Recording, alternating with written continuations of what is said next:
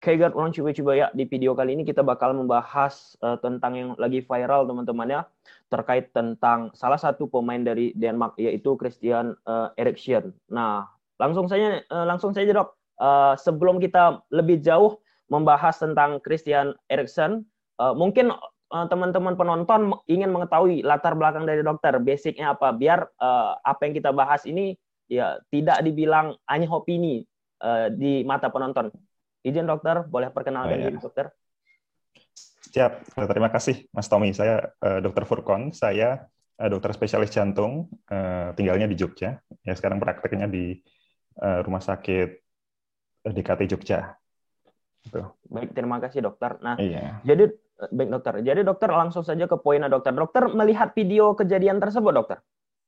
Lihat, saya lihat uh, ketika tiba-tiba Kristen Eriksen collapse Kemudian uh, untungnya itu ada Simon Pierre ya itu langsung dengan sigap uh, menolong dari uh, Christian Eriksen tadi. Itu pentingnya yang paling dekat bystandernya itu untuk menolong. Itu sangat menentukan. Baik dokter, menurut pandangan dokter secara umum mungkin dokter, apa yang dialami Christian Eriksen dokter seketika kalau bahasa kita bilang kolaps dokter. Kalau sederhana jatuhlah roboh di lapangan dokter ya. ya. Itu uh, Kristen Eriksen mengalami yang namanya sudden cardiac arrest. Jadi ini bukan serangan jantung, tapi ini adalah henti jantung tiba-tiba. Itu uh, jantungnya berhenti berdetak. Jadi tidak ada uh, pompa darah ke seluruh tubuh, tidak ada pompa darah ke otak, sehingga tiba-tiba dia kolaps, dia pingsan. Nah itu cukup sering terjadi di atlet ternyata dibandingkan oh. dengan uh, apa namanya uh, masyarakat umum. Itu. Baik dokter, uh, seperti yang kita lihat dokter banyak juga komentar-komentar dari masyarakat. Uh, Christian Eriksen ini kan seorang atlet sepak bola, tentunya rajin mm -hmm. berolahraga dan lain sebagainya dokter. Mm -hmm. Kenapa dokter uh, khususnya dokter karena pada momen ini banyak sekali masyarakat juga ataupun netizen yang mengirimkan video-video uh, kompilasi juga ya beberapa pemain bola yang terkena hal serupa juga dokter. Yeah. Mungkin bisa dokter jelaskan kenapa atlet yeah. ataupun uh, olahraga, pe, olahraga pelaku olahraga sering terkena uh, sudden death ya dokter, kardiak. Ya, sebelum bicara tentang epidemiologinya ya, ini dari European Heart Rhythm Association itu uh, terjadinya itu 1 sampai 2 per 100 ribu kejadian atlet itu mengalami cardiac death. Jadi uh, memang angkanya kecil, tapi kalau misalnya dia adalah atlet terkenal, pasti kan langsung menjadi sorotan ya. Nah, kita bisa melihat dulu zaman dulu ada Mark Vivian Vo pada tahun 2003, kemudian ada Fabrice Muamba 2012, kemudian ada Daniel Jar Jarque ya. Itu semuanya pernah mengalami henti jantung. Nah, bedanya kalau misalnya Fabrice Muamba itu sama kayak Christian Eriksen, jadi ditolong sehingga dia bisa uh, apa namanya terselamatkan. Nah, Christian Eriksen ini saya baca di uh, pernyataan Inter, Inter Milan, itu menyatakan bahwa dia sudah 11 tahun um, di screening. Kan memang atlet elit itu kan memang selalu di screening dengan baik ya. Dilakukan EKG, kemudian apa namanya? Uh, treadmill test, tapi uh, memang pada uh, ini seperti shit happens lah pada Christian Eriksen ini. Dia dalam selama 11 tahun screen ini nggak pernah ditemukan kelainan eh, kelainan-kelainan. Tapi ini nanti akan diinvestigasi oleh dokter-dokter di Denmark sehingga kita bisa tahu nanti uh, apa penyebabnya apa. Nah, saya memberikan contoh kayak Fabrice Muamba itu penyebabnya adalah hipertrofi kardiomiopati. Jadi penebalan ototnya atlet itu sebenarnya hampir semuanya menebal ototnya. Tapi ada penebalan yang dipengaruhi oleh genetis yang menyebabkan uh, dia uh, aliran aliran listrik di sana tidak tidak begitu istilahnya konslet yang menyebabkan aritmia. Nah, ini aritmia ini yang menyebabkan uh, cardiac arrest. Nah, itu mungkin Christian Eriksen ini bisa saja terjadi kejadian yang sama dengan Fabrice Muamba yaitu hipertrofi kardiomiopati. Atau pada uh, ini less likely ya pada Morosini dulu pernah ada hmm. itu ada gangguan genetik pada gangguan uh, pada jantung kanan dia, ARVC namanya. Arrhythmogenic right ventricle cardiomyopathy. Nah, itu memang uh, ada gangguan pada uh, dinding otot jantungnya seperti itu. Nah, tapi kita masih menunggu ini kira-kira Christian Eriksen penyebabnya apa. Kemungkinan sih seperti Fabrice Muamba ya, yaitu hipertrofi kardiomyopati. Uh, baik dokter, uh, jadi uh, kita pisahkan dokter. Berarti ada perbedaan antara henti jantung dan serangan jantung dokter. Sebab pada yeah. tweetan banyak orang dokter Christian Eriksen serangan jantung dan lain sebagainya yeah. dokter. Mungkin bisa dokter jelaskan apa perbedaan dokter henti jantung sama serangan jantung dokter. Nah, henti jantung itu adalah uh, ketika jantungnya berhenti berdetak. Uh, bisa uh, tidak tidak terjadi uh, pompa jantung sehingga aliran darah ke uh, otak ke seluruh tubuh itu berhenti. Nah, selam, bedanya sama serangan jantung, serangan jantung itu jantung itu mempunyai pembuluh darah yang namanya arteri koroner. Nah, kalau arteri koroner tersumbat itu namanya serangan jantung. Salah satu penyebab dari henti jantung adalah serangan jantung. Jadi eh, sebagian besar di dunia ini penyebab henti jantung adalah serangan jantung biasanya tapi pada orang-orang tua. Nah, ada atlet olahraga, atlet bola yang pernah serangan jantung seperti Iker Casillas Nah, Iker Casillas itu pernah serangan jantung, tapi dia tidak di jantung. Uh, gejalanya adalah nyeri dada. Nyeri dada itu uh, simptom utama dari serangan jantung. Seperti itu. Nah, yang dibuktikan oleh nanti oleh rekam jantung dan uh, enzim jantung seperti itu. Baik dokter, berarti kalau misalnya nah, pada bedanya. kasus Christian Eriksen ini dokter henti jantung dokter, bukan serangan henti jantung. jantung. Dokter bukan serangan jantung. jantung. Karena usianya juga masih sangat muda ya, 29 tahun. Walaupun ada yang terkena serangan jantung, tapi itu sangat sedikit yang terkena serangan jantung. Iker Casillas kan ketika serangan jantung usianya hampir 40 ya. ya. Nah, itu mungkin perbedaannya di situ.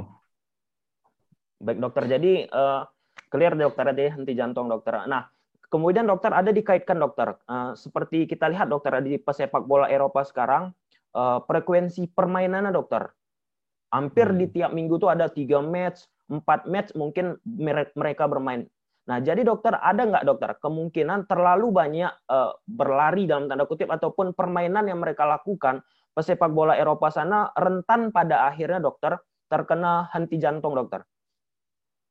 Uh, bisa saja karena uh, walaupun henti jantung itu kan bukan sesuatu hal yang uh, seperti saya bilang tadi orang-orang yang orang itu harus tahu uh, kemampuan atau uh, harus tahu diri lah kemampuannya. Kalau misalnya uh, sudah diklirkan oleh uh, dokter bahwa orang ini bisa uh, sesu bisa mainlah kompetitif sport seperti itu.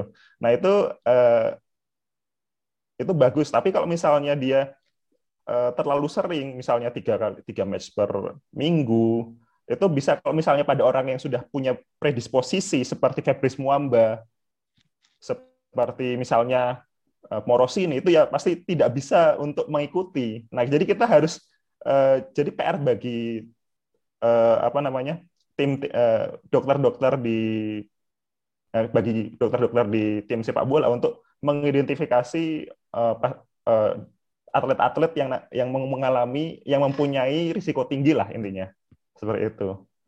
Nah kalau misalnya orang yang super fit seperti Cristiano Ronaldo mungkin dan dia tidak punya genetis untuk ke sana mungkin tidak tidak akan masalah ya tiga kali per minggu seperti itu. Nah itu perlu diidentifikasi. Kira-kira pemain-pemain yang mempunyai risiko tinggi itu siapa aja seperti itu. Baik dokter. Kemudian dokter ini ada per, uh, uh, saya bacakan dokter ada beberapa hal yang didiskusikan oleh banyak uh, di Twitter juga khususnya dokter ada saya temukan beberapa stigma di uh, uh, disampaikan oleh netizen.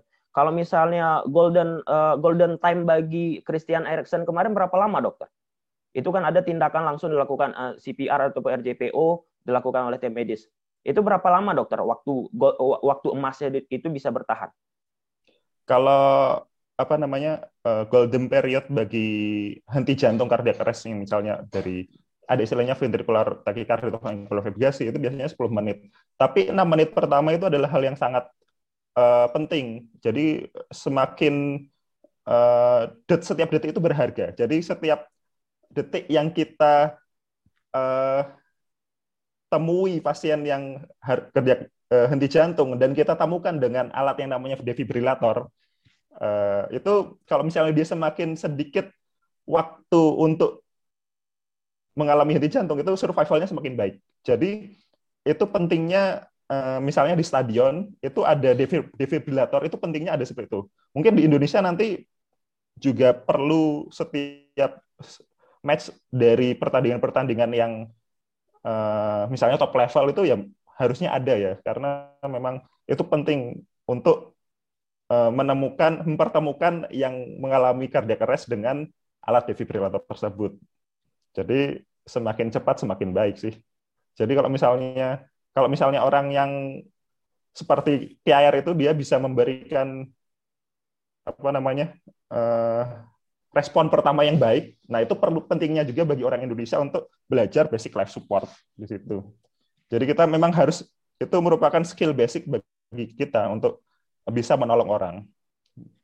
Baik, Jadi kalau misalnya kan banyak ya di Indonesia itu kalau misalnya ada yang henti jantung, kolaps itu cuma di tepuk-tepuk tangannya.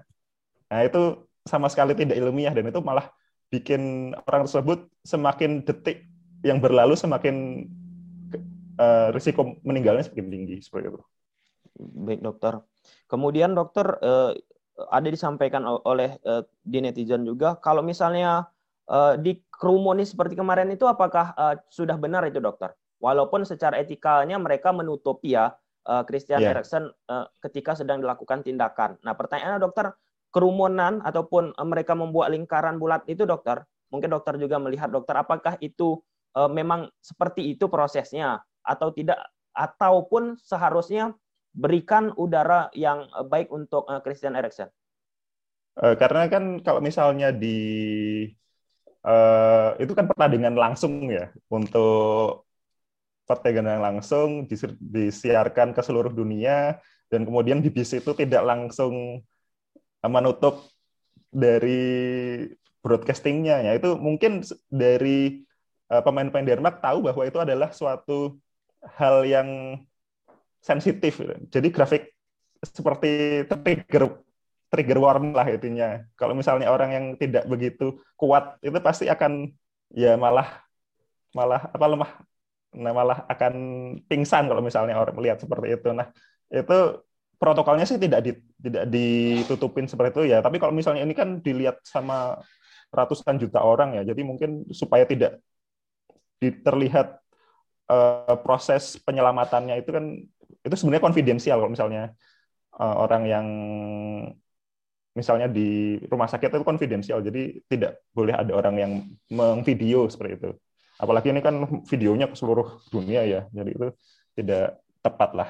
Tapi kalau misalnya saya salut dengan uh, pemain-pemain Denmark yang cepat. Kemudian tim medisnya juga sangat sigap di situ. Bisa menyelamatkan Christian Eriksen Iya, benar dokter.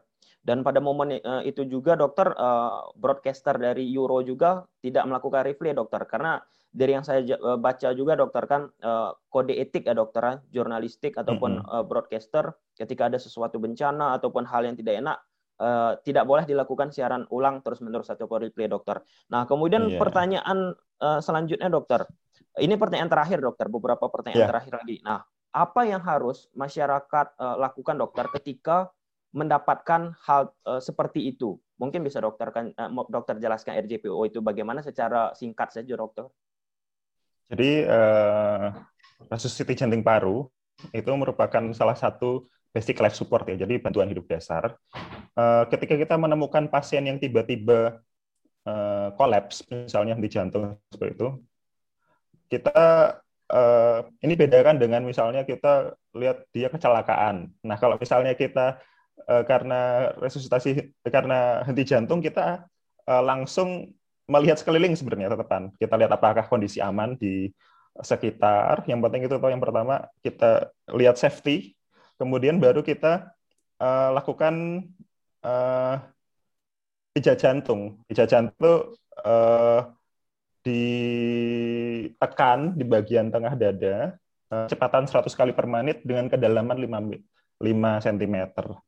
Nah itu kita uh, kemudian 30 kali memberikan uh, pijatan, kemudian baru kita berikan uh, apa bantuan nafas. Nah itu uh, sambil kita sebelumnya kita panggil bantuan karena kalau misalnya kita uh, sendiri tidak akan mampu tidak akan bisa untuk efektif untuk uh, yang penting kita ambil bantuan dan kalau misalnya dia tidak tidak kalau kita misalnya tidak mampu untuk memberikan bantuan hidup kita bisa langsung melarikan ke rumah sakit intinya seperti itu tapi memang uh, respon pertama itu sangat penting untuk menyelamatkan nyawa. Baik dokter. Uh, dokter, mungkin ada kesimpulan terakhir yang dokter ingin sampaikan terkait tentang Christian Eriksen ini dokter secara khusus dokter kejadian tadi malam. Ya, uh, saya uh, lihat itu langsung ini kejadiannya memang tidak tidak pertama kali, tapi saya lihat respon dari timnas Denmark, mau kemudian wasit, kemudian tim medis sangat cekatan sehingga dalam waktu kurang dari satu menit ya itu uh, Christian Eriksen sudah bisa ROST istilahnya, udah kembali uh, dari cardiac arrest. nah, uh, uh, pesan saya untuk uh, orang eh, masyarakat itu uh, kalau misalnya kita uh, mau olahraga, kita harus tahu batas kebatasan diri kita. Jadi kita harus tahu jangan memaksakan lah intinya kalau misalnya sekarang kan musim goes ya misalnya. Nah kalau misalnya kita eh, tidak eh, gengsi misalnya kalau misalnya teman-teman kita sangat sangat cepat misalnya dengan jarak yang jauh kita harus tahu diri dulu. Nah prinsipnya dalam olahraga itu adalah start low go slow. Jadi kita start eh, dari ringan-ringan perlahan-lahan naiknya juga perlahan-lahan. Jadi tidak langsung kita majep gitu. Itu risiko uh, sudden cardiac rate-nya bisa meningkat kalau misalnya kita memaksakan diri dengan misalnya uh, heart rate-nya di atas uh, kemampuan kita. Misalnya uh, saya umurnya 30, kemudian uh, nadinya kita, saya paksakan di atas 200 misalnya. Nah, itu sangat uh, berbahaya terhadap diri kita. Nah itu Christian Eriksen yang sangat dikontrol saja bisa sudden cardiac rate, apalagi kita yang tidak tahu misalnya kemampuan diri kita seperti itu. Jadi pentingnya kita harus tahu batasan uh, kemampuan diri kita itu di mana. Nah, paling aman adalah start low go slow dari rendah, uh, nanti perlahan-lahan meningkat dengan sendirinya. Seperti itu pesan saya sih. Yep. Terima, terima kasih Mas dokter.